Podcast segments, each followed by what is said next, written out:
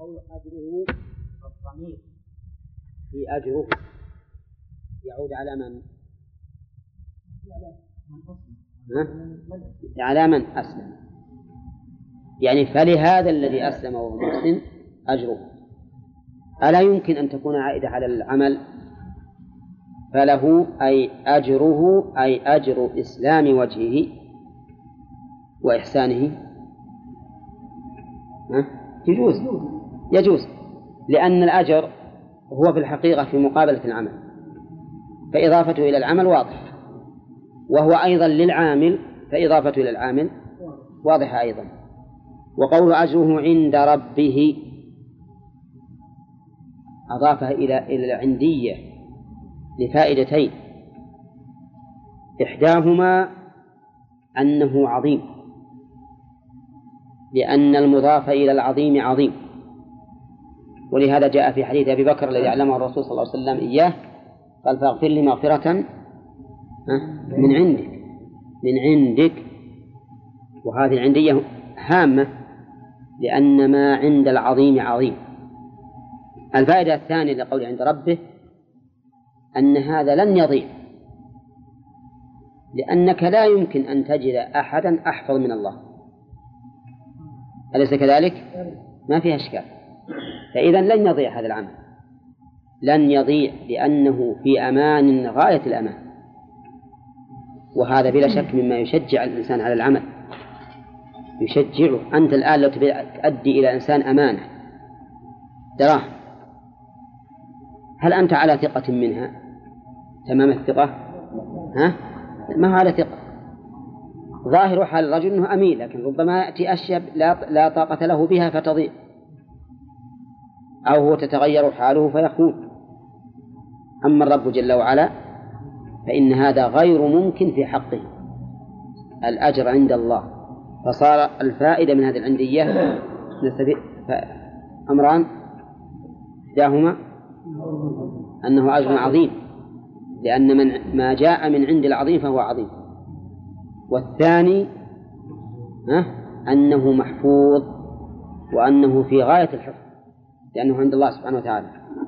قال ولا خوف عليهم ولا هم يحزنون. الله من فضله لا خوف عليهم فيما يستقبل من أمرهم ولا هم يحزنون فيما مضى من أمرهم لأنهم إذا حشروا يوم القيامة وجدوا نتائج أعمالهم. اللهم اجعلنا من من خيرا.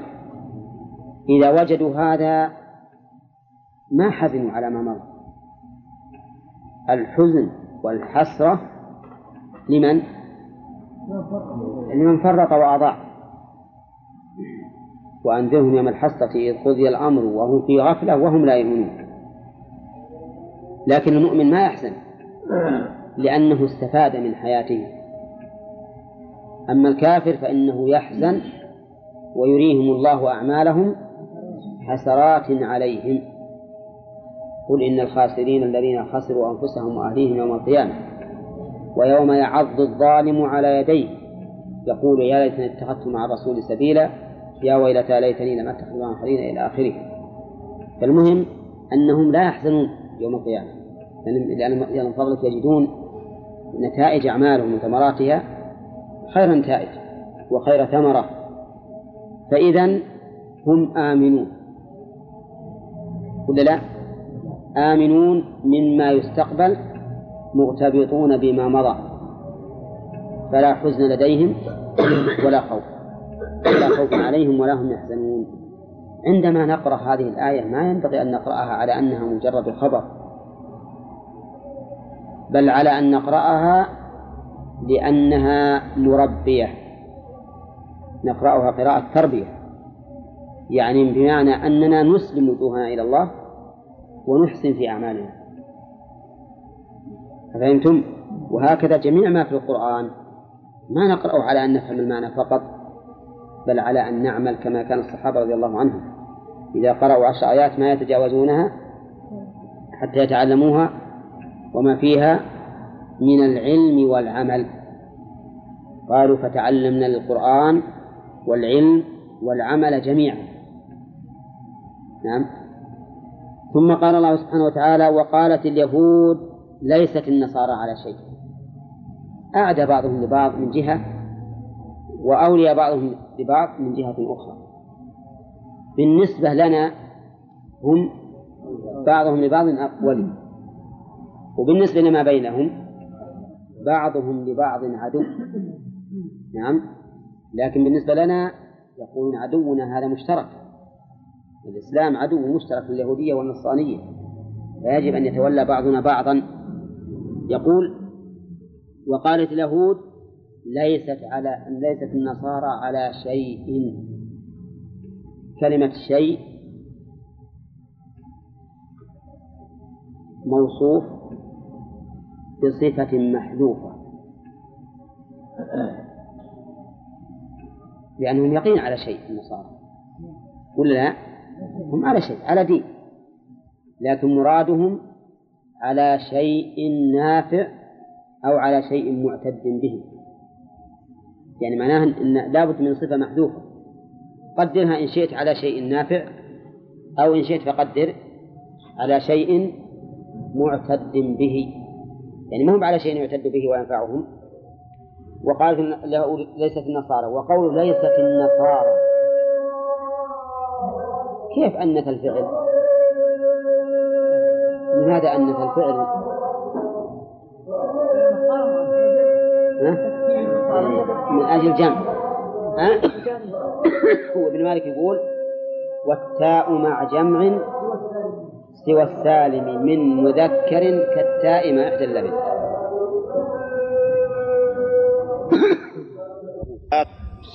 وأن النصارى كذلك ادعوا دعوى باطلة وقالوا لن يدخل الجنة إلا من كان نصارى.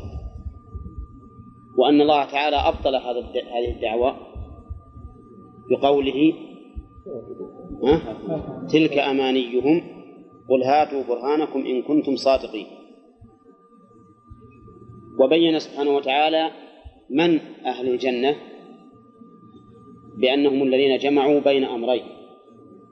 بين الإخلاص لله سبحانه وتعالى بإسلام وجوههم له وبين المتابعة لشريعته وهو محسن. وهذا يشمل من أسلم من هذه الأمة ومن من قبلها ومن كل من أسلم لله هو محسن من هذه الأمة وغيرها فإنه هو أهل هم أصحاب الجنة. وتقدم أيضا أنه ليس عليه خوف مما يستقبل ولا حزن مما مضى. ثم قال الله تعالى مبينا أن هؤلاء اليهود والنصارى كل منهم ينكر شريعة الآخر. فقالت وقالت اليهود ليست النصارى على شيء. يعني على شيء من الدين. لا من الحياة هم أحياء. يأكلون ويشربون ويتزوجون ويتمتعون في الدنيا لكن ليسوا على شيء من الدين. لأنهم كما زعموا دينهم باطل. فاليهود لم يؤمنوا بعيسى. ولهذا أنكر أن أنكروا أن يكون النصارى على شيء. النصارى قابلتهم بالمثل وقالت النصارى ليست اليهود على شيء. يعني ليست على شيء من الدين. أما دعوى اليهود فإنها باطلة على كل تقدير. لأن النصارى بلا شك على دين. وأما دعوى النصارى فإنها ليست باطلة على كل تقدير بل إن اليهود ليسوا على شيء بعد دين النصارى إذ أنه يجب عليهم الإيمان بعيسى فإذا كذبوه لم يكونوا على شيء كانوا كفارا. فهنا أيما أقرب إلى الصواب دعوى اليهود أو النصارى. دعوى النصارى. فاليهود دعواهم أن النصارى ليسوا على شيء هذا كذب بكل حال بكل تقدير. وأما النصارى فإنه فإن دعواهم أن اليهود على شيء صحيح متى؟ بعد عيسى. أما قبل عيسى فإن دعوى النصارى في ذلك كذب. فإن اليهود كانوا على الدين وكانوا على شريعة صحيحة مستقيمة. قال الله عز وجل طيب في الإعراب ليست اليهود على شيء وليست النصارى على شيء اليهود بالأول مضمومة والنصارى مفتوحة مع أن ليس عامل واحد ها. ليش؟ اليهود بالأول مضمومة والنصارى مفتوحة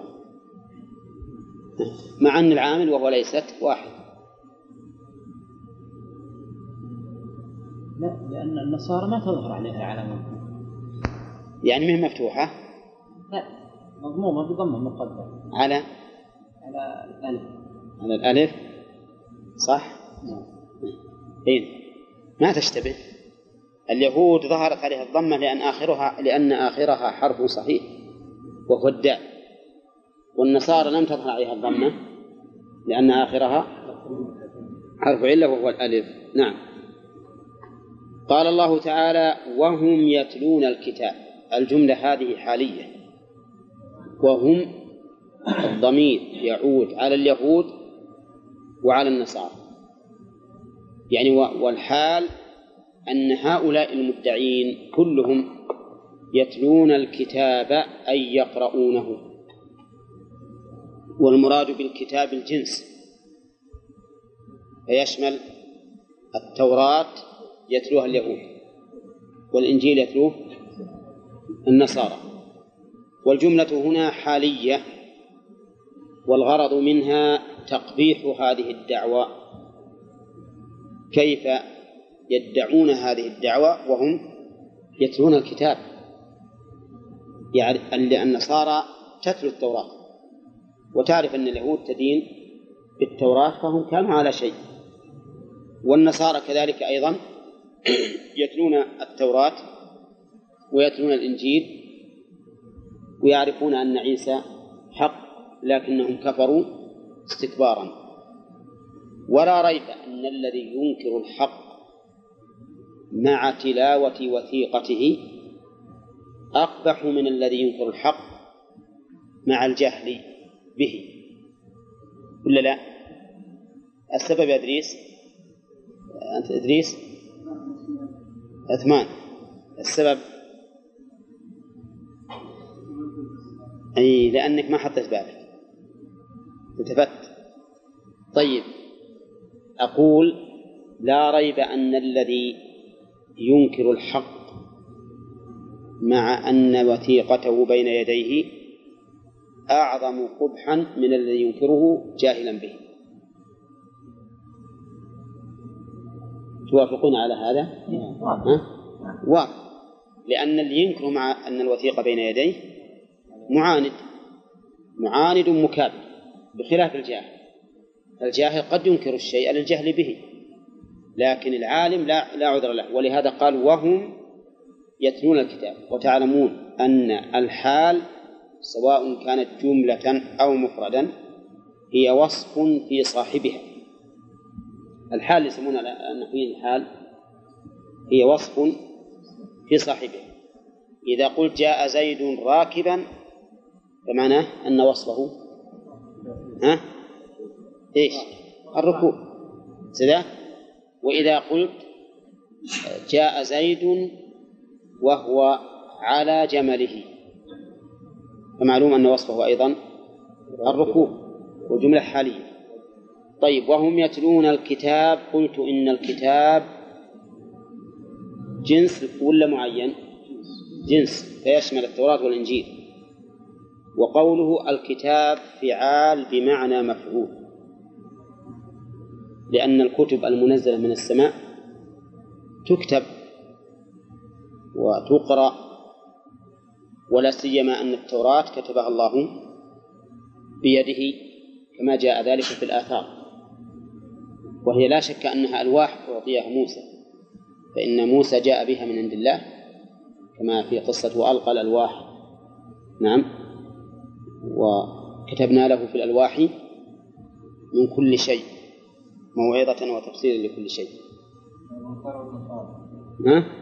صار النصارى دين اليهود لا.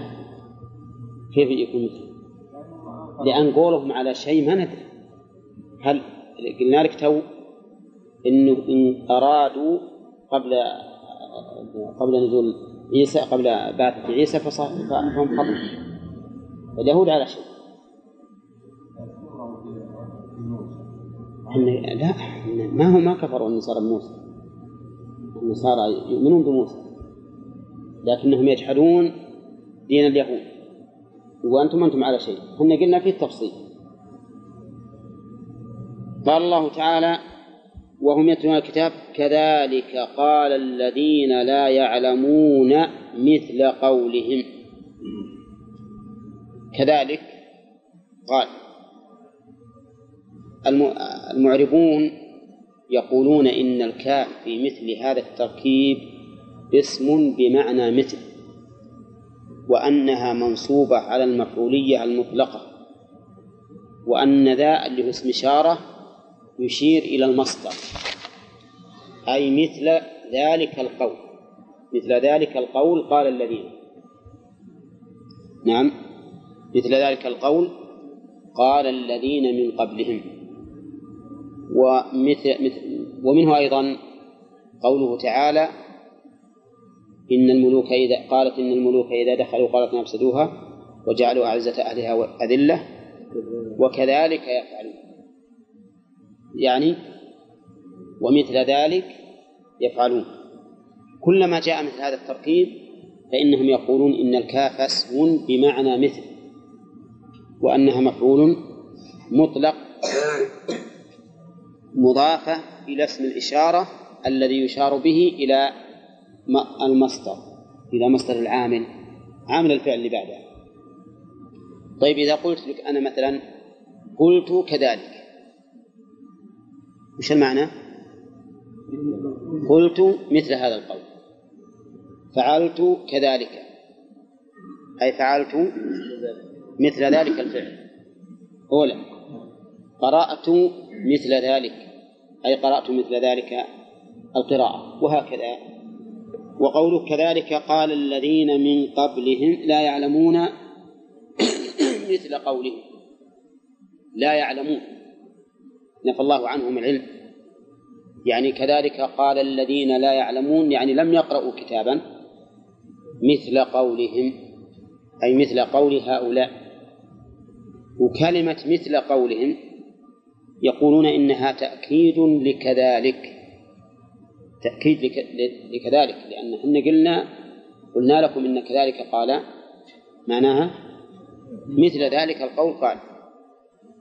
ومعلوم أن العامل الواحد ما يصير عاملين بمعنى واحد. معمولين بمعنى واحد فقالوا إن مثل قولهم توكيد لكذلك قال. نعم. وقوله لا يعلمون من الذين لا يعلمون؟ قال بعض المفسرين لا يعلمون إنهم أمم سابقة. كقوله في الآية الثانية كذلك قال الذين من قبلهم. فهم أمم سابقة لا يعلمون. وقال بعض المفسرين لا يعلمون أي من هؤلاء. يعني أن الذين يتلون الكتاب من اليهود والنصارى قالوا مثل قول الذين لا يعلمون منهم. فاستوى قول عالمهم وجاهلهم. وقال بعض المفسرين المراد بلا, بلا يعلمون كفار قريش أهل الجاهلية. فإنهم قالوا إن محمدا صلى الله عليه وسلم ليس على دين وليس على شيء. والأحسن من هذا الأحسن أن نقول ها؟ ها؟ كل كل من لم يعلم. أي نعم. نقول بالعموم. الأحسن يقال بالعموم. مثل ما اختاره ابن جرير وغيره. فإن القرآن إذا تضمنت الآية معاني متعددة لا يتناقض بعضها مع بعض فالواجب حملها على هذه الاحتمالات كلها. وهذا من سعة كلام الله عز وجل وشمول معناه. وهذه قاعدة مقررة في التفسير ينبغي أن يحتفظ بها الإنسان. أنه إذا فسرت الآية بالأقاويل المتعددة وكان بعضها لا ينافي بعضا بالنسبة للآية الكريمة فإنها تحمل عليهما. كذلك قال الذين لا يعلمون مثل قولهم يعني أنهم أنكروا الحق. أنكر أنكروا الحق. فقالوا مثلا في الرسول عليه الصلاة والسلام ليسوا على شيء. وقال المكذبون للرسل أيضا ليس الرسل على شيء. وقالوا أيضا لأهل العلم والإيمان ليسوا على شيء. وهكذا إلى يوم القيامة أيضا ربما يقال هذا الشيء. وإلى الآن يقول الجاهلون لأهل العلم إنهم ليسوا على شيء. نعم. قال الله تعالى فالله يحكم بينهم يوم القيامة فيما كانوا فيه يختلفون. فالله ألف حرف عطف والله مبتدأ والجملة يحكم الجملة في محل رفع خبر المبتدأ فالله يحكم وهذا للمستقبل الماضي المضارع ولا للماضي؟ ها؟ لا. المستقبل. بدليل قوله يوم القيامة. قوله يحكم بينهم. الحكم معناه القضاء والفصل بين الشيئين. والله تبارك وتعالى يوم القيامة يقضي بين الناس فيما كانوا فيه يختلفون. فيبين لصاحب الحق حقه ويجزيه به. ويبين لصاحب الباطل باطل باطله ويجزيه به. وحكم الله سبحانه وتعالى ينقسم إلى ثلاثة أقسام شرعي وكوني وجزائي. الشرعي مثل قوله تعالى في سورة الممتحنة ذلكم حكم الله يحكم بينكم والله عليم حكيم حكم الله شرعي ولا ولا كوني ولا جزائي؟ ها؟ شرعي والكوني مثل قوله تعالى عن أخي يوسف فلن أبرح الأرض حتى يأذن لي أبي أو يحكم الله لي وهو خير الحاكمين. هذا كون. والجزاء مثل هذه الآية. والله يحكم بينكم يوم القيامة. الحكم الجزائي هو ثمرة الحكم الشرعي. لأنه إن خيرا فخير وإن شرا فشر. هذا الحكم يوم القيامة بين الناس هل هو بالعدل ولا بالفضل؟ يقول لا يخفى إما بالعدل أو بالفضل أو بالظلم. والظلم منتفع الظلم منتفع. حرمه الله على نفسه. نعم وعلى غير وعلى عباده. كما في الحديث القدسي يا عبادي إني حرمت الظلم على نفسي وجعلته بينكم محرما. بقي إيش؟ بقي العدل والفضل فنقول أما بالنسبة لحقوق الناس فيما بينهم فالقضاء بالعدل. القضاء بالعدل. وأما بالنسبة لما بين العبد وبين ربه فالقضاء بالفضل. بالعدل بالنسبة للكافرين. وبالفضل بالنسبة للمؤمنين. لأن الكافر يجزى بالعدل. من عمل سيئة فلا يجزى إلا مثلها. وأما المؤمن فيجزى بالفضل الحسنة بعشر بعشر أمثالها والسيئة بمثلها أو يعفو عنها. كذا ولا لا؟ طيب إذن الحكم الجزائي بين الخلائق بالعدل. لا بد أن يوفى صاحب الحق حق. وبين الإنسان وبين ربه دائر بين العدل والفضل. طيب ما جوابكم عن قوله تعالى ليجزي الذين آمنوا وعملوا الصالحات بالقسط؟ بالقسط.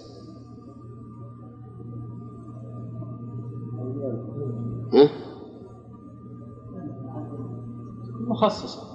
بالنصوص نعم. نقول الجواب الله أعلم إن هذا هو الواجب له بما أوجبه الله. والفضل زيادة فضل زيادة وأن هذا من باب التحذير. يعني معناه الإنسان مالك إلا عملك هذا الأصل لك. وهذا غاية العدل لكن الفضل زيادة من الله سبحانه وتعالى. قال يحكم بينهم يوم القيامة ويوم القيامة تقدم لنا أنه سمي يوم القيامة لأمور يبينها لنا عبد الله.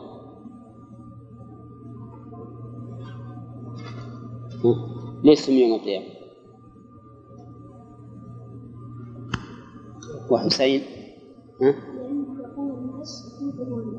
نعم لرب العالمين. نعم.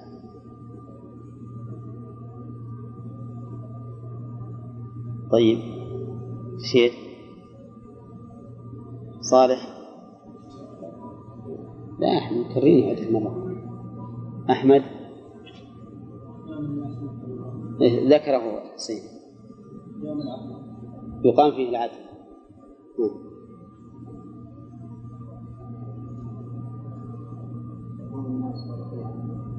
ها. ذكر ذكر. السلام ها؟ سنت لا. قيام الأشهاد. نعم. يوم الأشهاد كما قال تعالى ويوم يقوم الأشهاد.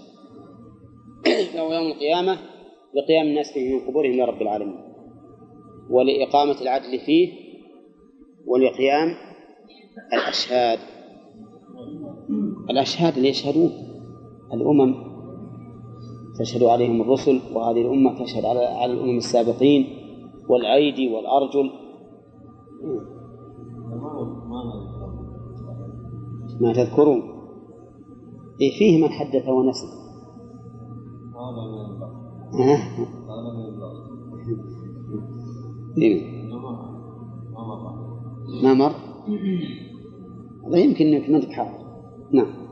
طيب يوم القيامة؟ فيما كانوا فيه يختلفون.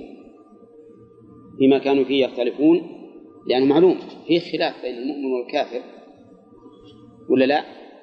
خلاف بين بين النصارى أهل الملة كلهم النصارى واليهود مختلفون بل النصارى الآن مختلفون في مللهم. مختلفون في مللهم مع بعض اختلاف جوهري جوهري في الأصول ما هو في الفروع.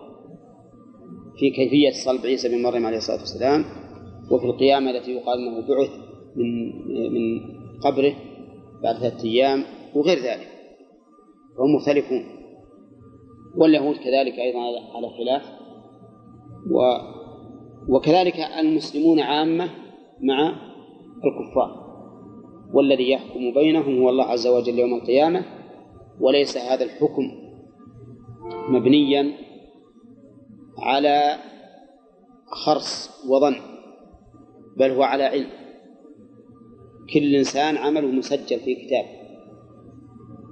يقال اقرأ كتابه. وكل إنسان عليه رقيب عتيد. إذا جاء يوم القيامة حضر. وقال قرينه هذا ما لدي عتيد. أي حاضر.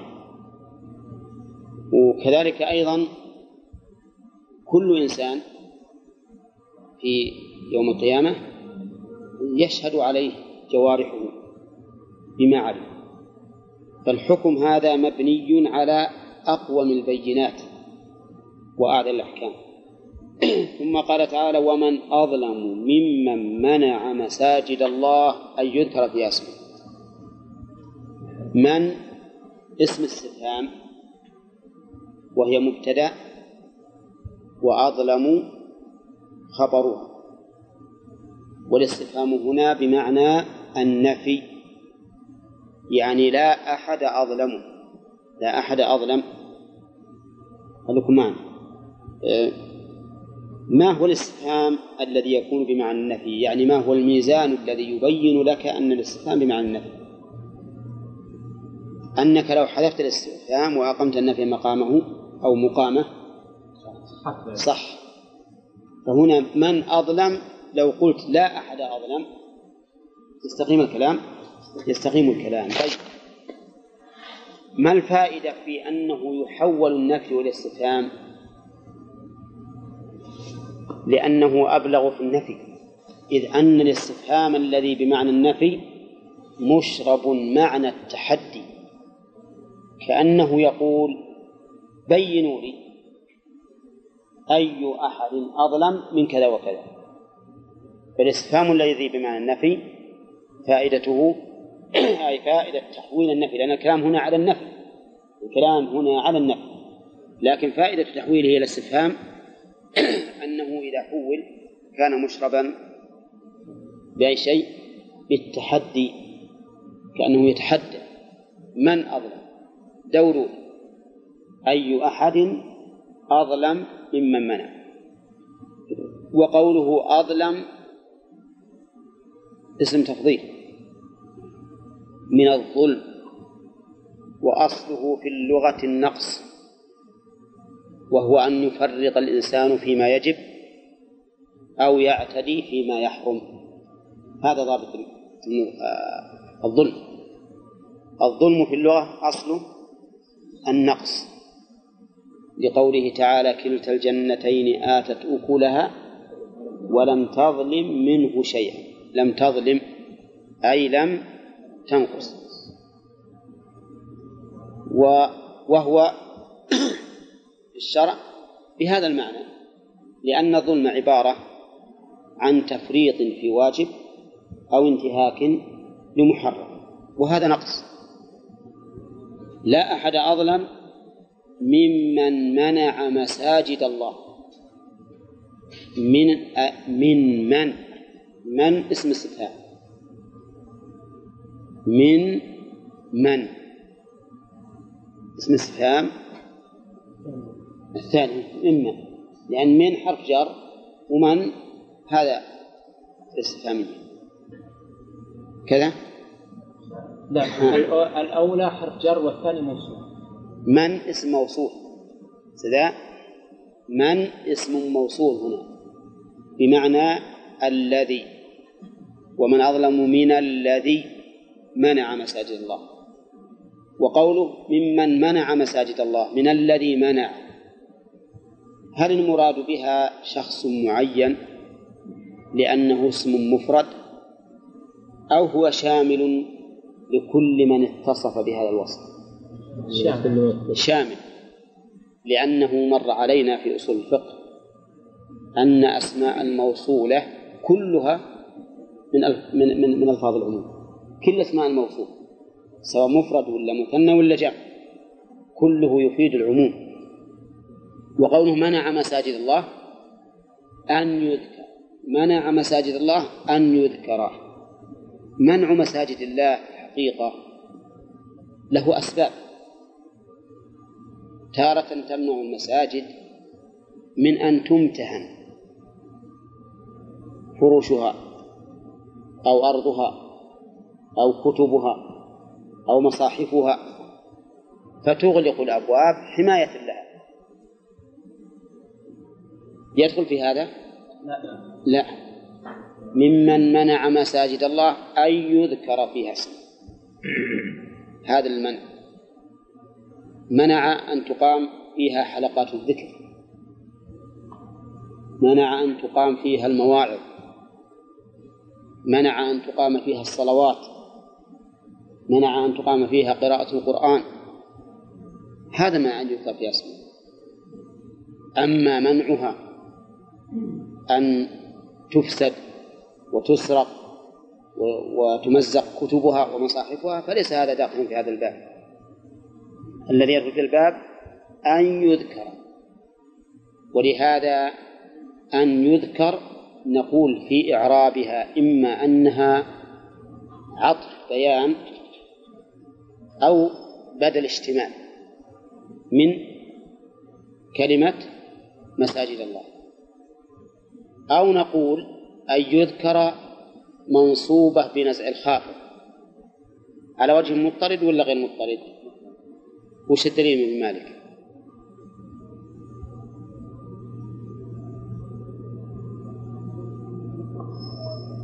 من لي بقوم لا ينسون ما حفظوا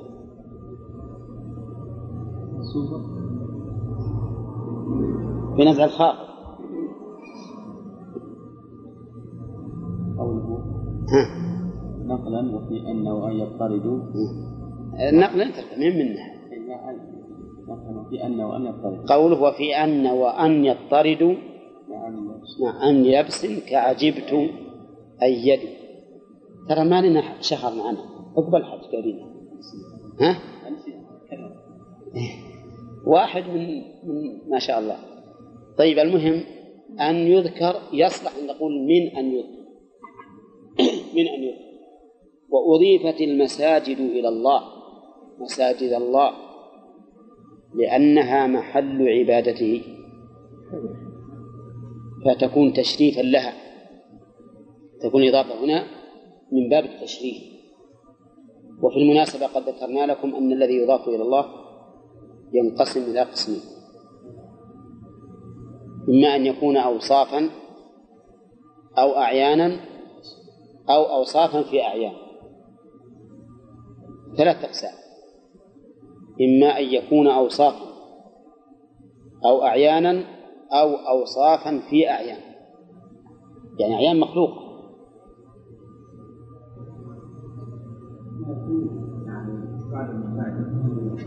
اصبر اصبر. فهمتم الآن التقسيم؟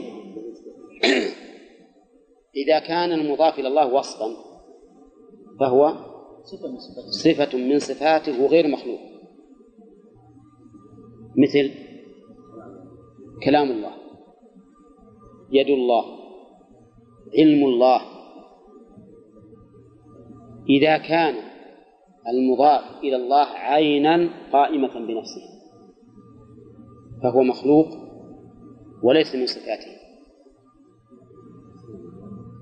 مثل مساجد الله. أدري معنا وناقة الله وبيت الله. هذه أعيان قائمة. فتكون إضافتها إلى الله من باب إضافة المخلوق لخالقه على وجه التشريف ولا شيء من المخلوقات يضاف إلى الله عز وجل إلا لسبب خاص به ولولا هذا السبب ما أضيف إليه ما خص بالإضافة. نعم. طيب. الثالث أوصاف في أعيان مخلوقة. فهو أيضا مخلوق وهذا نقول إن صح التعبير مثل ها؟ مثل ها؟ إيه؟ مثل ونفخت فيه من روح فإن الروح هنا صفة في الجسد إن صح أن نقول صفة والناس مضطربون فيها هل هي صفة ولا عين ولا معنى؟ المهم هذه حتى لو إن قلنا أنها عين دخلت في القسم الثاني. إن قلنا أنها صفة فهي قسم مستقل لكنها صفة في مخلوق. فتكون مخلوقة تكون مخلوقة. وقوله هنا مساجد الله يعم كل المساجد كل المساجد سواء كانت هذه المساجد لها خاصية كالمساجد الثلاثة أو لا خاصية لها كعموم المساجد. وقوله مساجد الله احترازا مما من المكان الذي صلي فيه ولم يجعل مسجدا لأنه إلى الآن ما صار لله. مثل جماعة حوطوا لهم مكان في البر والمكاشتين وصلوا فيه. يصير هذا من مساجد الله؟ لا لكنه مسجد. هو مسجد لكن ما يضاف إلى الله عز وجل لأنه لم يتخذ على سبيل البقاء في كونه مسجدا. وقول أن يذكر فيها اسمه أن يذكر فيها اسمه اسم نائب فاعل. ولا فاعل؟ نائب فاعل. ها؟ نائب فاعل. نائب فاعل. لأن يذكر فعل مضارع مبني لما لم يسمى فاعله. ها؟ فعلى هذا أو للمفعول. فعلى هذا يكون نائب فاعل. وقوله أن يذكر فيها اسمه ولم يقل أن يذكر فيها الله مع أنه قال في سورة النور رجال لا تلهيهم تجارة ولا بيع عن ذكر الله وإقام الصلاة.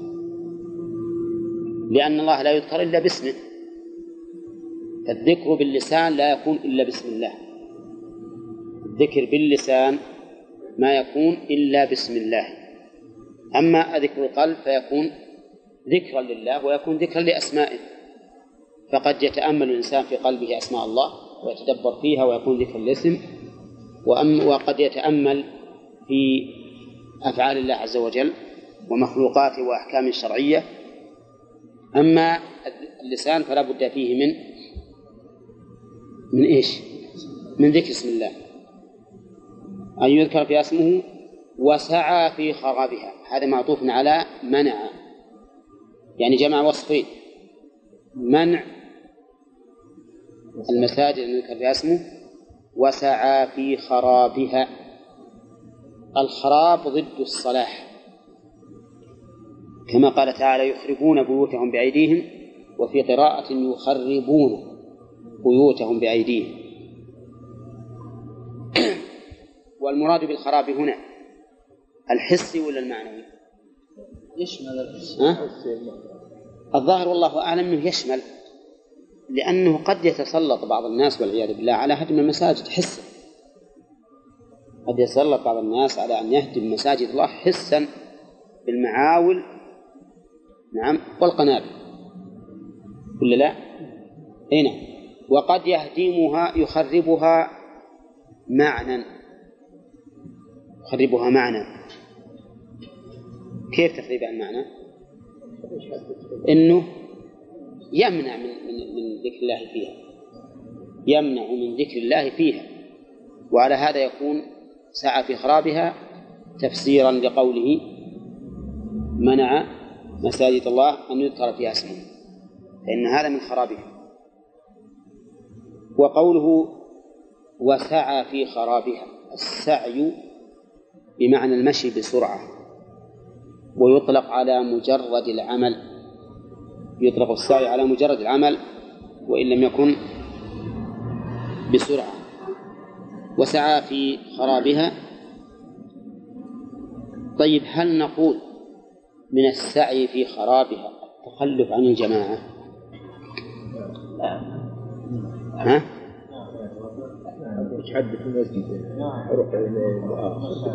ها؟ له ذنب اخر له عقوبه أخرى إي ما يخالف لكن لكن هو ما سعى في اذا مني بغى, بغى يتخلف هذا الرجل وهذا الرجل وهذا الرجل ما صلوا الناس بالمسجد. ها؟ ها؟ ولا المسجد لا ما قلنا إن سعى في خرابها الخراب المعنوي والحسي. إذا لم تقم فيه الجماعة خراب معنى لكن قد يقال إن ترك الجماعة نعم إن أجمعوا فهذا قد يدخل في هذا الشيء لأنهم عطلوها أما إذا كان واحد فإنه إذا تخلف واحد جاء جاء غيره. ما يلزم من تخلفه أن أن يعطل المسجد. ها؟ يعني يقتدون به يعني فالأعمال بالنيات. فالأعمال بالنيات. قال الله تعالى أولئك. ها؟ آدم عندك سؤال في التوحيد يقول تتكلم في اذا تقول تمدح صلى الله عليه وسلم هذا من امدح وتكلم بالتوحيد. امدح الرسول صلى الله عليه وسلم بما بما يستحق عليه الصلاة والسلام. لا تغلو فيه. أقول امدح الرسول وتكلم في التوحيد. ما يتكلم ما ما يجي لهم يعني النبي قال. آه المديح البدعي. إيه. هذا لا إيه هذا ممن منع مساجد الله القياس ولكن ينبغي أنكم آه، تتفاهمون معهم مثلا. تجلس ولا تعاند فيحصل فوضى. وبعدين تفاهم معهم بالتي هي أحسن. نعم. في برضه في نفس الأخ آدم. المساجد عندنا بيجوا جماعة يوم يوم الأربع يجيبوا عيبي بيضة وطوائي وإبليس يمسك الناس بالقوة يخليهم علشان يذكروا يتمايلوا وذكر. يعني هذا ما هيش يعني؟ يشوف هذا هذا من السعي في الخراب. لأن إقامة البدع في المساجد خراب لها. وبعدين مرة برضه قلنا لهم يا جماعة ما تمسكوا اللي عايز يقعد معاكم ويتفقكم ما تمسكوا الناس بالعافية. أعوذ بالله نعم. معنى هذا أن بني النضير لما حصل المصالحة معهم وعرفوا أنهم ماشيين مخلين بيوتهم بدأوا يخربونه. يكسرون البيبان ويخربون الأشياء اللي فيها لأجل إذا أخذها المسلمون وإذا هي خربانة وأيضا المؤمنين أيضا المؤمنين لا بالنسبة بالنسبة لهم هم خراب يعني هم الآن خطبوها عليه حيث احتلوها وطردوها إيه؟ ها؟ إيه؟ يعني منع تنصب مفعولين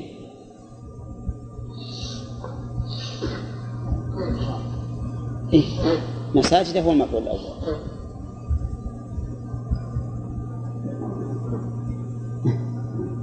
نعم ها؟ عطف إيش؟ ما ما به واو ما فيها واو لا قلنا لكم ان فيها وجهان احدها ان تكون منصوبه في التقدير ان أن منصوبه بنادى الخافض بتقدير من يعني من أظلم ممن منع مساجد الله من أن يذكر منعها من أن يذكر في أسمه. أو أنها بدل اشتمال من قوله مساجد الله لأن المعنى ومن أظلم ممن منع أن يذكر الله في المساجد. قوله أولئك ما كان لهم أن يدخلوها إلا خائفين ما معناه يا وليد؟ أولئك ما كان لهم أن يدخلوها إلا خائفين. إيش معناه ما كان لهم أن يدخلوا هذه المساجد لأن قلوبهم آه، ليست صادقة مع الله في دخول المساجد. ويكون لانهم لا آه، يعني تاركوا المؤمنين في يعني عباداتهم وغير هذا ها؟ المعنى يختلف إي طيب وغير من يفهم المعنى هؤلاء الذين يمنعون الناس مم. ما يحق لهم دخول المساجد إلا وهم خائفون. كيف يمنعون الناس؟ نعم، صح. يعني معناه كان الذي ينبغي أن لا يدخلها هؤلاء إلا خائفون لأنهم كافرون بالله عز وجل. فليس لهم حق أن يدخلوا المساجد إلا خائفين فكيف يمنعون عباد الله؟ حطوا بالك هذا المعنى. أو أن المعنى وجه آخر أن هذا خبر بمعنى النهي. يعني لا لا تدعوهم يدخلونها إذا ظهرتم عليهم إلا خائفين. أو أنها بشارة من الله عز وجل بأن هؤلاء الذين منعوا المساجد ومنهم المشركون الذين منعوا النبي صلى الله عليه وسلم المسجد الحرام بأنه سيكون ستكون الدولة عليهم ولا يدخلونها إلا وهي ترتجف قلوبهم. فالاحتمالات ثلاثة الآن. يستفاد من هذه الآية الكريمة الآن؟ فوائد. ها؟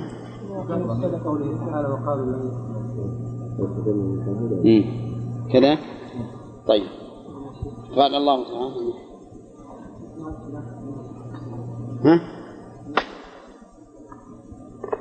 إما أنها للنهي يعني لا تدعوهم يدخلونها إلا خائفين أو أنها لبيان حال هؤلاء وأنه ما كان ينبغي لهم أن يدخلوا المساجد فضلا عن أن يمنعوا عباد الله أو أنها بشرى من الله أنها المسلمين سينتصرون عليهم وتكون لهم الغلبة بحيث لا يدخل هؤلاء المساجد إلا في حال خوف. نعم. لا تدخل في هذا. تدخل في هذا. تشير ولا هي معنى هو المعنى الكامل لها. تشير إلى ذلك. طيب من فوائد الآيات الآن وقالوا لن يدخل الجنة إلا من كان هودا أو نصارى. يستفاد من هذه الآية الآية الكريمة بيان ما كان عليه اليهود والنصارى من الإعجاب. بيان ما كان عليه اليهود والنصارى من الإعجاب. ويستفاد منها أيضا أن ما ما ادعوه كذب لقوله تعالى تلك أمانيهم. ومن فوائد الآية أنه أن من اغتر بالأماني وطمع في المنازل العالية بدون عمل لها ففيه شبه منين؟ من اليهود والنصارى أيضا. ومنها عدل الله عز وجل في مخاطبة عباده حيث قال قل هاتوا برهانكم قل هاتوا برهانكم لأن هذا من باب إيش؟ مراعاة الخصم. من باب مراعاة الخصم. وأنه إن كان لكم إن كان لكم بينة فهاتوها. وهذا لا شك أنه من أبلغ ما يكون من العدل وإلا فالحكم لله العلي الكبير. ومنها أن هؤلاء لا برهان لهم على ما ادعوه بدليل أنهم لم يأتوا به. ومنها أيضا أنهم كاذبون لقوله إن كنتم صادقين. ولو كان لهم أدنى حيلة فيما يبرر قولهم ويصدقه لأتوا به. إذن فهم كاذبون. ثم قال سبحانه وتعالى بلى من أسلم وجهه لله وهو محسن فله أجره عند ربه ولا خوف عليهم ولا هم يحزنون. يستفاد من هذه الآية الكريمة أن أهل الجنة هم الذين جمعوا بين وصفين. الإخلاص لله في قوله من أسلم وجهه لله. والثاني اتباع شرعه لقوله وهو محسن. ومن فوائد الآية أن حسن النية وحده لا يكفي في تبرير العبادة أو في تبرير التعبد لله. حسن النية وحده ما يكفي في أن في تبرير التعبد لله. منين ناخذه؟ لأنه قال وهو محسن. يتفرع على هذه الفائدة أن أهل البدع لا ثواب لهم على بدعهم. ولا مع حسن النية لماذا؟ ها؟ لعدم الإحسان اللي هو المتابعة فصاحب البدع إذا قال أنا ما أردت إلا خيرا قلنا ولكنك لم تحسن والأجر مشروط بأمرين إسلام الوجه لله والثاني الإحسان طيب. ومنها ثبوت الأجر في الآخرة. فله أجره عند ربه. وأن وأن العمل لن يضيع. ومنها إثبات الجزاء. أو هذا يكفي عن التي قبله؟ ها؟ طيب. إذا منها أن الجزاء من جنس العمل. الجزاء من جنس العمل. ومنها عظم هذا الثواب لإضافته إلى الله في قوله عند ربه. ومنها انتفاء الخوف والحزن لمن تعبد لله سبحانه وتعالى بهذين الوصفين. وهما؟ الإخلاص والمتابعة. ولهذا قال الله تعالى الذين آمنوا ولم يلبسوا إيمانهم بظلم أولئك لهم الأمن. أولئك لهم الأمن. فمن تعبد لله سبحانه وتعالى بهذين الوصفين فإنه لا خوف عليه ولا حزن. ومنها حسن عاقبة المؤمنين. لانتفاء الخوف عنهم والحزن. غير المؤمنين تملأ قلوبهم رعبا. وحزنا أيضا. ها؟ نعم وحزنا. قال الله تعالى وتقطعت بهم الأسباب. وقال تعالى كذلك يريهم الله أعمالهم حسرات عليهم. وقال تعالى وأنذرهم يوم الحسرة. إلى غير ذلك من الآيات الدالة على تحسر هؤلاء. الذين ما ما ما هدوا إلى إلى صراط الحميد. ثم قال تعالى وقالت اليهود نعم. نعم. نعم. ولكن إذا كان مقلد مقلد وهو حسن. إيه. لكن مو مجتهد ما يجب. إيه. يكون له ما له أجر. عسى يسأل من الإثم؟ أنت يعني عذر بالشق الثاني من الشرط العمل إيه. وأتى بالشق الأول. إيه. بس لكن هذا العمل هذا ما يجر عليه لأنه بدعة. ولو كان جاهلا لو كان يعني إذا لأنه لو كان عالما وش يحصل له؟ إثم. يحصل عليه الإثم. فإذا كان جاهلا قلنا أنت معذور بالجهل لكن هذا لا ينفع. لأن كل عمل يشترط فيه شرطان. الإخلاص والمتابعة. فإذا لم تكن المتابعة فإنه ما, ما يقبل. وإذا لم يقبل لم ينفع وإذا كان في خلاف مثل مسح الوجه بعضهم يرى بدعة وبعضهم يرى إذا كان في خلاف على حسب ما يؤديه إليه اجتهاده. إذا كان اجتهاده أداه إلى أن هذا من من المشروع هو غيره ما هو مسح مسح الوجه فإنه يثاب لأنه يعمل لله وهو يرى أنه متبع متبع. إنما صاحب البدعة قد يثاب صاحب البدعة الجاهل قد يثاب على النية العامة من حسن القصد. النية العامة هي بنية هذه العبادة بالذات آه، هذه البدعة بالذات. يثاب على حسن قصده على سبيل العموم. أما أنه يثاب على نيته لهذه العبادة المبتدعة فهذا ما يمكن. وقالت اليهود ليست النصارى على شيء وقالت النصارى ليست اليهود على شيء. وهم يتلون الكتاب كذلك قال الذين من قبلهم لا يعلمون مثل قولهم إلى آخره. هذا أيضا فيه دليل على أن الأمم الكافرة يكفر بعضها بعضا.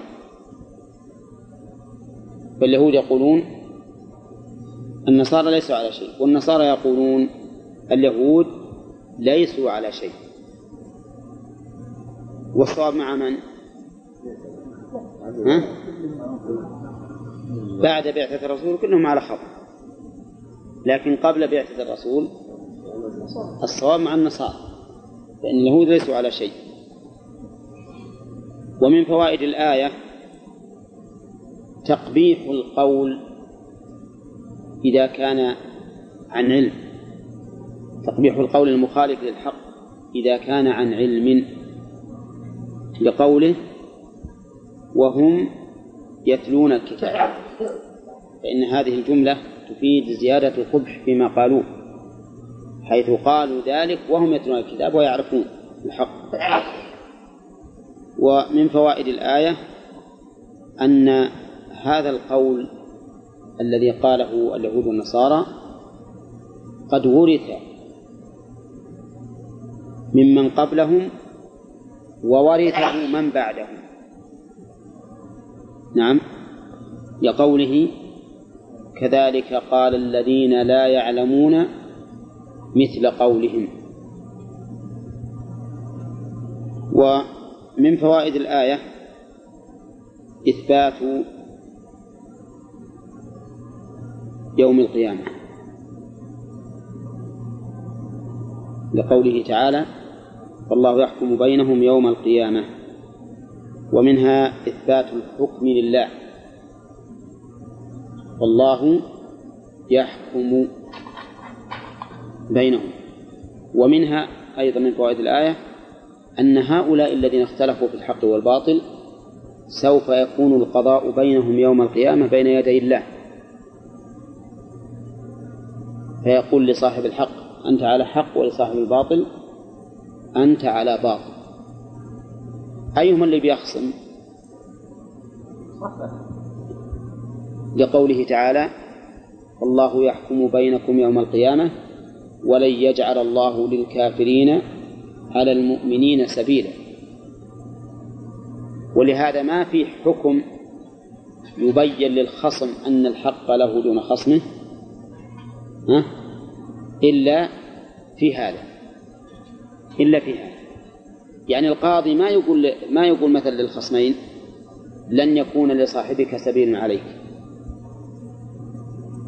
قول. ها؟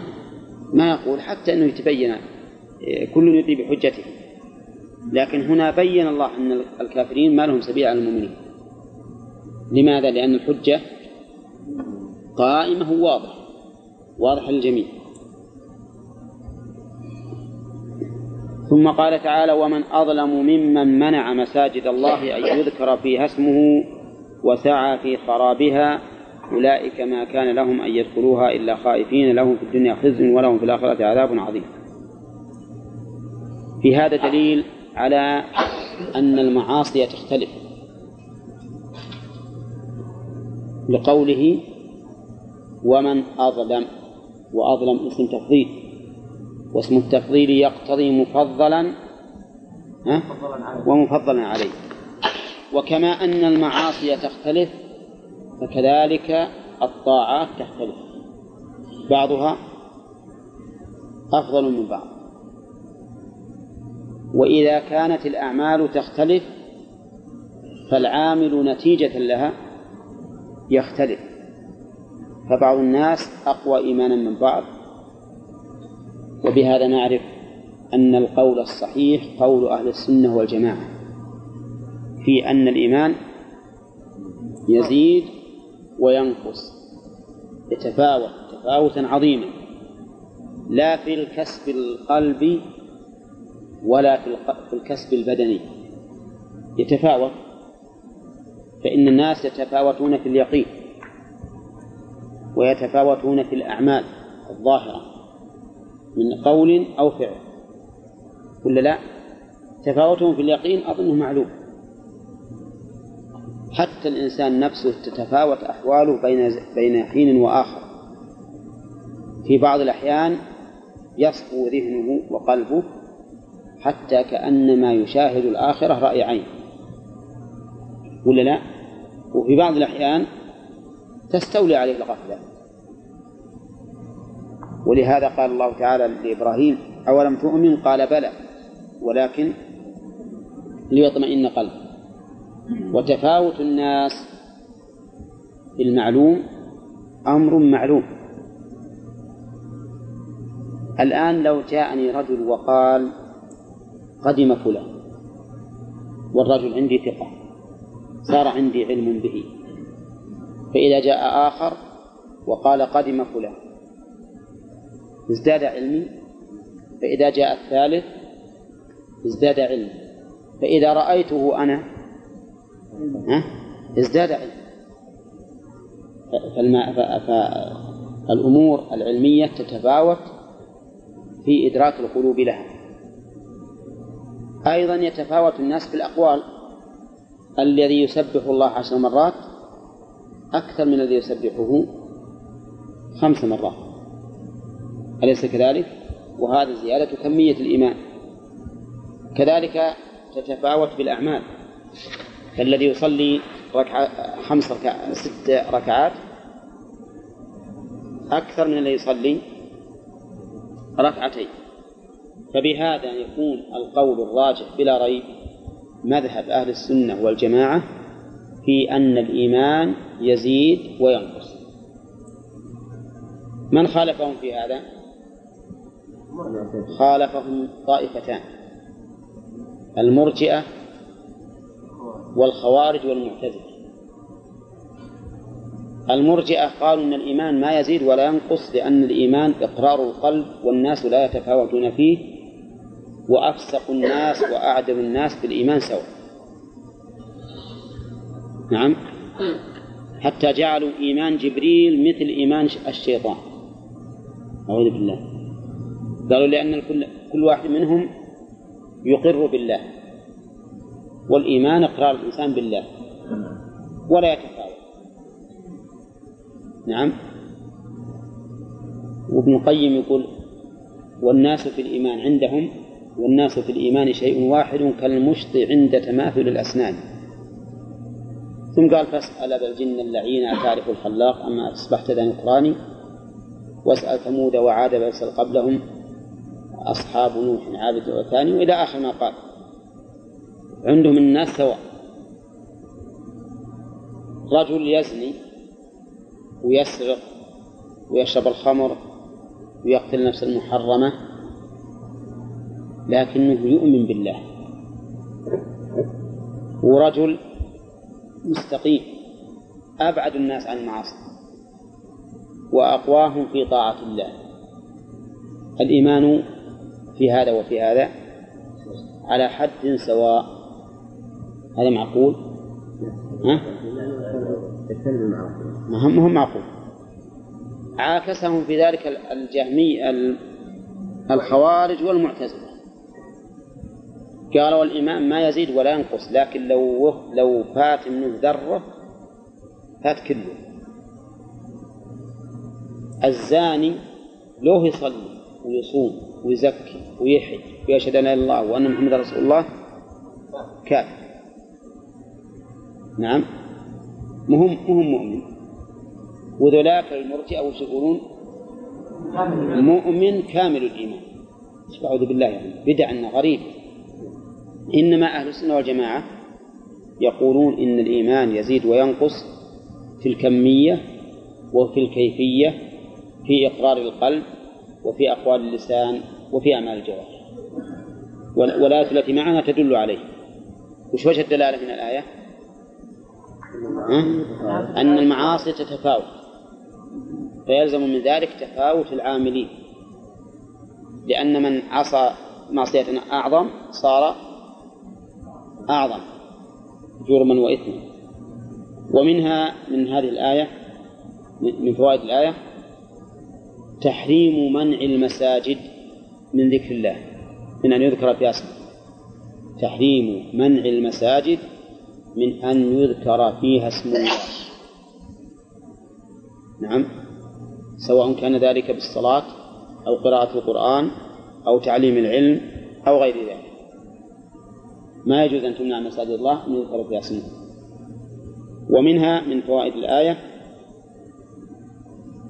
جواز منع المساجد لمصلحة المساجد. مثل أن تغلق خوفا عليها من الإفساد أو السرقة أو ما أشبه ذلك. لأن المحرم ما هو؟ أن يذكر فيها اسمه. هذا المحرم والظلم. واستدل بعض العلماء بهذه الآية على تحريم التحجر. تحريم التحجر. تعرفون التحجر؟ إن الإنسان يخلي حمى مكان له. حمى مكان له في الصف. قال لأن هذا منع هذا المكان أن يذكر فيها اسم الله. أن يذكر فيها اسم الله.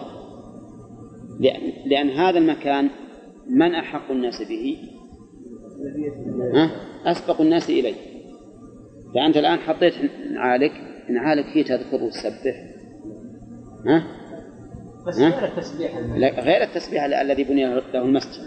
ولا كنا من المسجد. نعال ونمشي. نعم؟ لا لكنها ما تسبح التسبيح الذي بني من أجل المسجد. الآن منعت هذا المكان من رجل يأتي إليه ويذكر اسم الله فيه. ولا لا؟ هذا وجه الاستدلال و و ولا شك أن التحجر منه حرام. إن الإنسان يحط أحيانا يروح يبيع ويشري ولا يروح مثلا بيته يستمتع بأولاده وأهله هذا ما يجوز. أما نعم إذا صار الإنسان في نفس المسجد واحتاج إلى أن يأخذ هذا المكان يبقى فيه ويروح ينتفع في جهة أخرى في المسجد. فهذا لا شك أنه سابق إلى المسجد. لكن رأى أن هذا المكان الآن غير مناسب له. ولكن حتى في هذه المسألة لو مثلا صار في الصف الثاني ووصله الناس وصلوا إليه فالواجب عليه أن يقوم إلى مكانه في الصف الأول لأنه لو يبقى منع هذا المكان من أن يذكر فيها اسم الله. طيب. ومن فوائد الآية الكريمة شرف المساجد. وذلك بإضافتها إلى الله مساجد الله. نعم. ومنها أنه لا يجوز أن يوضع فيها ما يكون سببا للشرك. لأن مساجد الله معناها موضع السجود له. فإذا وضع فيها ما يكون سببا للشرك فقد أخرجناها عن موضوعها. مثل إيش؟ مثل أن نعم أن نقبر فيها الموت. فإن هذا محرم لأن هذا وسيلة إلى الشرك. وسيلة إلى الشرك فنكون قد أخرجنا المساجد عن موضوعها. ومنها وجوب تطهير المساجد ناخذ؟ ها؟ من إضافتها لله القاضي بتشريفها وتعظيمها ولهذا قال الله تعالى وطهر بيتي للطائفين والعاكفين والقائمين والركع السجود نعم. ممكن نقول ومنها أن الناس فيها سواء؟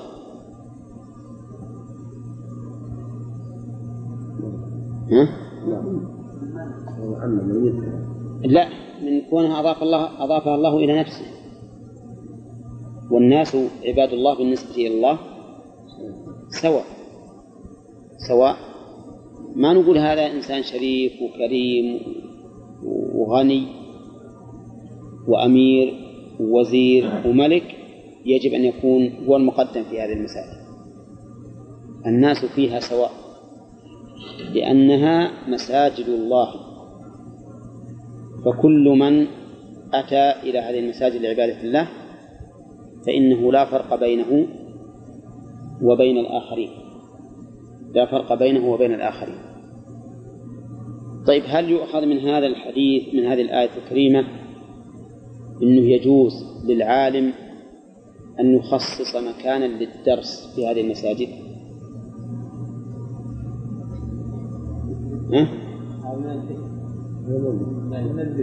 إذا يجوز يجوز أن يتخذ مكانا يجعله للذكر لكنه إذا أقيمت الصلاة ما يمنع الناس.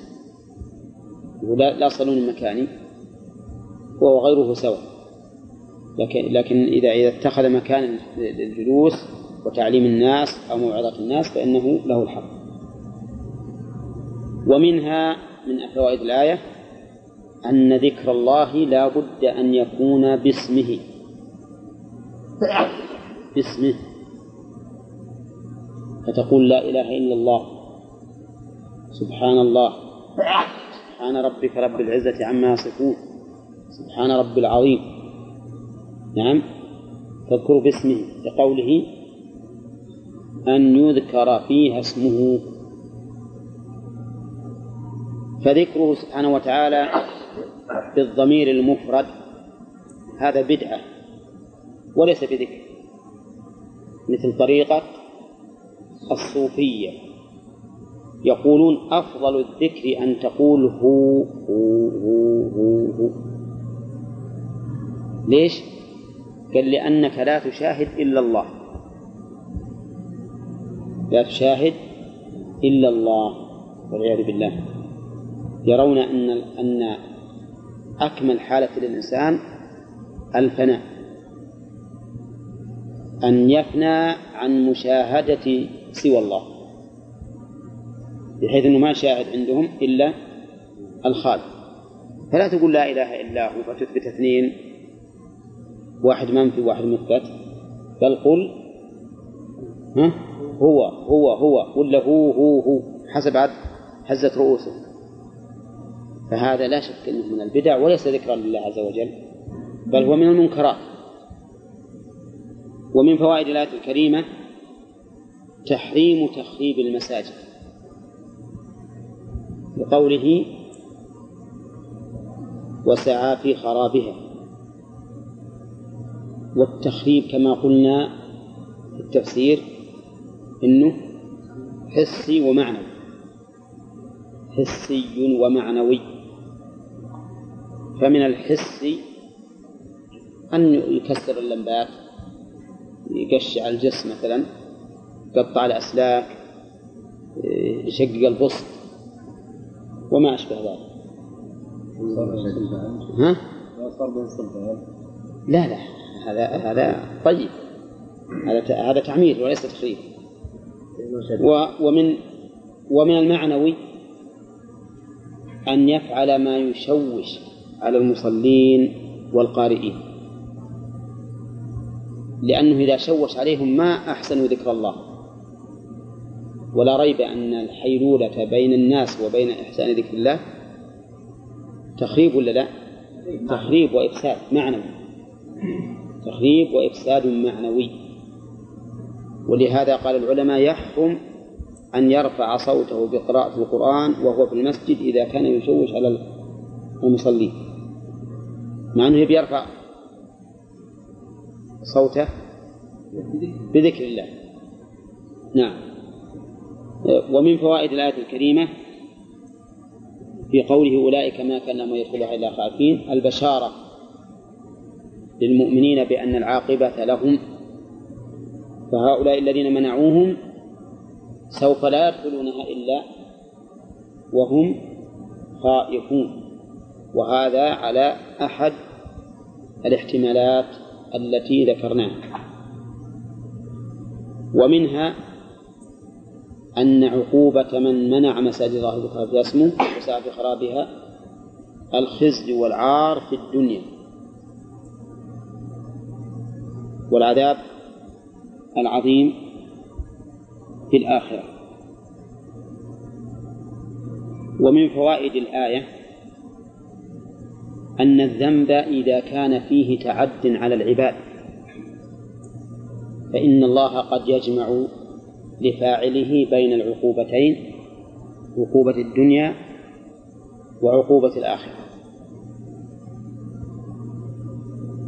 أما إذا كان لله فإن الله تعالى لا يجمع له بين العقوبتين. وما أصابكم من مصيبة فبما كسبت أيديكم ويعفو عن كثير. قال العلماء يعني ولا يجمع الإنسان بين العقوبتين. وهذا إذا كانت إذا كانت المعصية تتعلق بمن؟ بالله عز وجل. فإنه لا يستوفي حقه من عبده مرتين. أما إذا كانت المعصية متعلقة بالمخلوق فقد يجمع الله بين العقوبتين لهذا الفاعل. عقوبة الدنيا لماذا؟ مثل ما قال مثل ما قال الله يشفي قلب المظلوم. يشفي قلب المظلوم المعتدى عليه. ولا لا؟ ولا شك أن الإنسان مثلا إذا اعتدى عليك ثم رأيت عقوبة الله فيه أنه أنك تفرح بأن الله سبحانه وتعالى اقتص لك منه.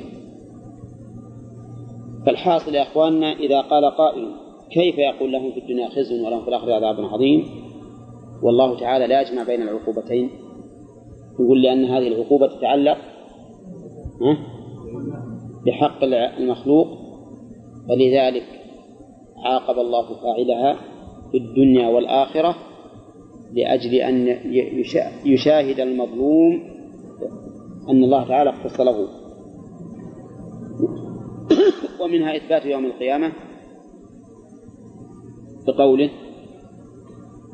ولهم في الآخرة عذاب عظيم. ومنها أن عذاب الآخرة أعظم من عذاب الدنيا كما أن نعيم الآخرة أعظم من نعيم الدنيا ولكن الله سبحانه وتعالى يري عباده نموذجا من هذا ومن هذا لأنه ما يستقيم فهم الوعيد ولا فهم الوعد إلا بإيش؟ إلا بمشاهدة نموذج من ذلك. لو كان الله مثلا توعد بالنار إحنا ما ندري وش النار. هل نخاف؟ ما, نخاف. إلا خوفا إجماليا عاما. وكذلك لو توعد بالنعيم الجنة ما نعرف وش هذا النعيم. نعم كما يكون لنا رغبة مثل ما إذا عين ووجدنا نظيره في الإسم في الدنيا. ونبتدئ الدرس الجديد الآن. قال الله تعالى ولله المشرق والمغرب فأينما تولوا فثم وجه الله. لله المشرق والمغرب. اللام هذه للملك والاختصاص يعني أن الله تعالى مالك المشرق والمغرب.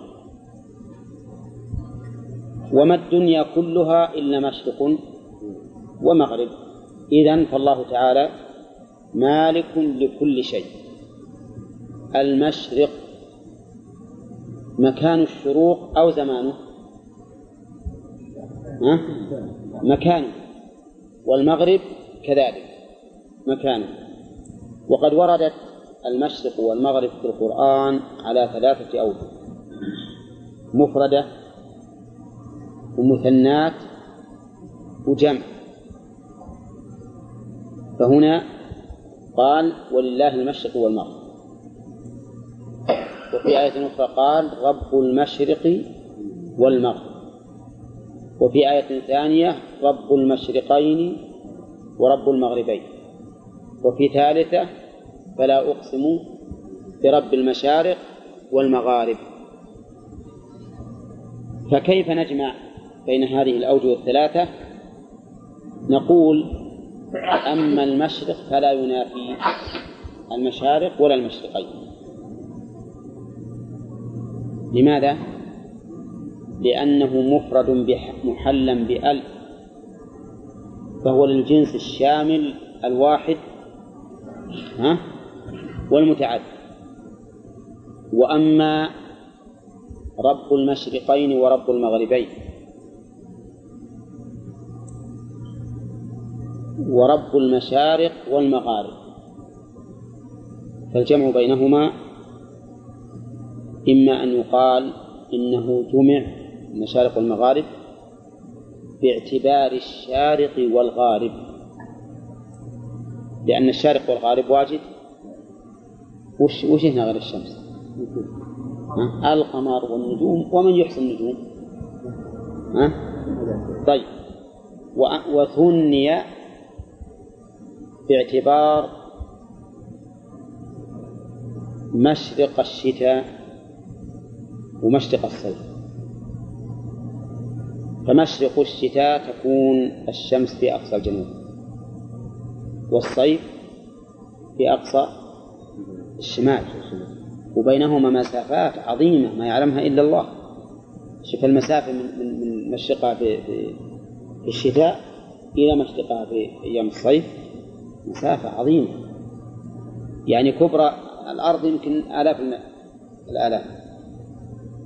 فهي ثنيت بهذا الاعتبار.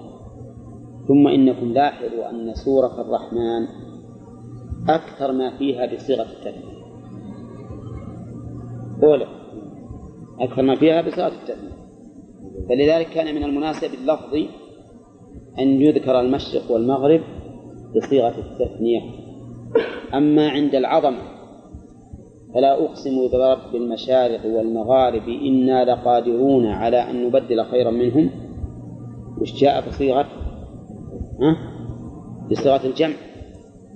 بصيغة الجمع لأن الجمع أدل على التعظيم من المثنى لأن المثنى نص في دلالته على الحصر. طيب ولله المشرق والمغرب. أي مشرق كل شارق ومغرب كل غارب.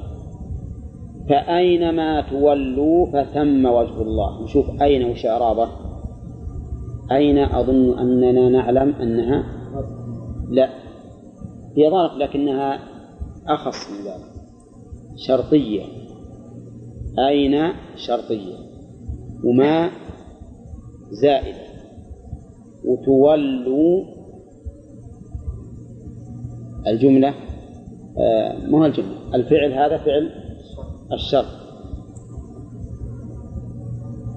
وتولوا في مضارع ولا ماضي ولا أمر؟ ها؟ وش من المضارع؟ محل محل هل هل تقول تولون؟ ها؟ نعم. في القرآن يوم تولون مدبرين فإذا تولوا فعل مضارع مجزوم بأداة الشرط وعلامة جزمه. حذف الواو والنون فاعل. ها؟ حذف النون. حذف النون أي والواو فاعل. طيب. وقوله فثم وجه الله. ألف هذه رابطة لجواب الشرط وثم ها؟ اسم إشارة وهو ظرف لكنه ظرف يشار به اسم إشارة يشار به للبعيد وهو متعلق بمحذوف خبر مقدم. وجه مبتدأ مؤخر. والجملة من المبتدأ وخبره في محل جزم جواب الشرط. جواب الشرط. وما معنى تولوا. انتهينا الآن من الإعراب. ما معنى تولوا؟ تولوا تتجهوا. تولوا تتجهوا. وقوله فثم أي فهناك. والإشارة إلى الجهة التي توليت إليها. وقوله وجه الله اختلف فيه المفسرون من السلف والخلف. فقال بعضهم المراد به وجه الله الحقيقي. المراد به وجه الله الحقيقي. وقال بعض العلماء المراد به الجهة. الجهة فوجه بمعنى جهة. أي ف فثم أي ففي المكان الذي اتجهتم به جهة الله عز وجل. وذلك لأن الله محيط بكل شيء. محيط بكل شيء. فهي ففي ففيها للعلماء قولان ولكن الراجح أن المراد به الوجه الحقيقي لأن ذلك هو الأصل وليس هناك ما يمنعه.